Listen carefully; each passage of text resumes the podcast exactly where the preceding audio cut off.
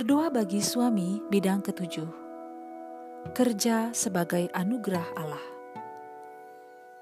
Ayat Alkitab Kolose 3 ayat 22 sampai 24. Hai hamba-hamba, taatilah Tuanmu yang di dunia ini dalam segala hal. Jangan hanya di hadapan mereka saja untuk menyenangkan mereka, melainkan dengan tulus hati karena takut akan Tuhan. Apa pun juga yang kamu perbuat, perbuatlah dengan segenap hatimu seperti untuk Tuhan dan bukan untuk manusia.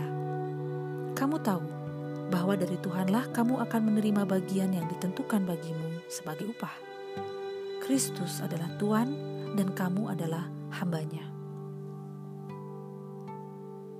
Renungan Alkitab banyak berbicara tentang kerja karena Allah adalah pekerja keras Allah menyukai saat dia bekerja dan setiap kali selesai dia berkata, semuanya itu baik.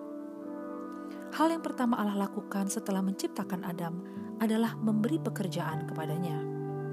Perintah bekerja ditujukan kepada para pria karena peran kepemimpinannya sebagai pemberi nafkah. Setelah kejatuhan dalam dosa, maka pekerjaan memberikan lebih banyak kesusahan Selain itu, dosa juga menyelewengkan semua kemampuan berkarya yang Allah berikan. Hanya lewat karya Kristus, arti pekerjaan dibaharui kembali.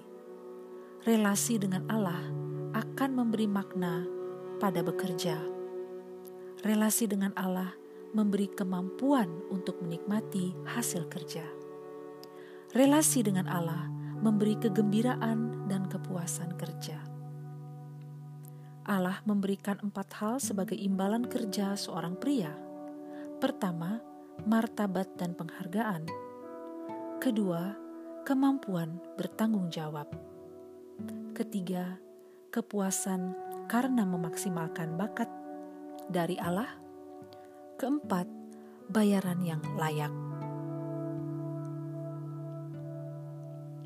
Doa Bapa, sertailah suamiku dalam segala pekerjaan yang sedang ia usahakan.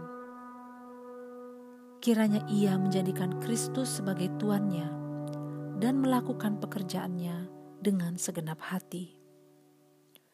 Kiranya ia memperoleh makna dan kepuasan bekerja dan dapat selalu menikmati hasil kerjanya tanpa kecurangan.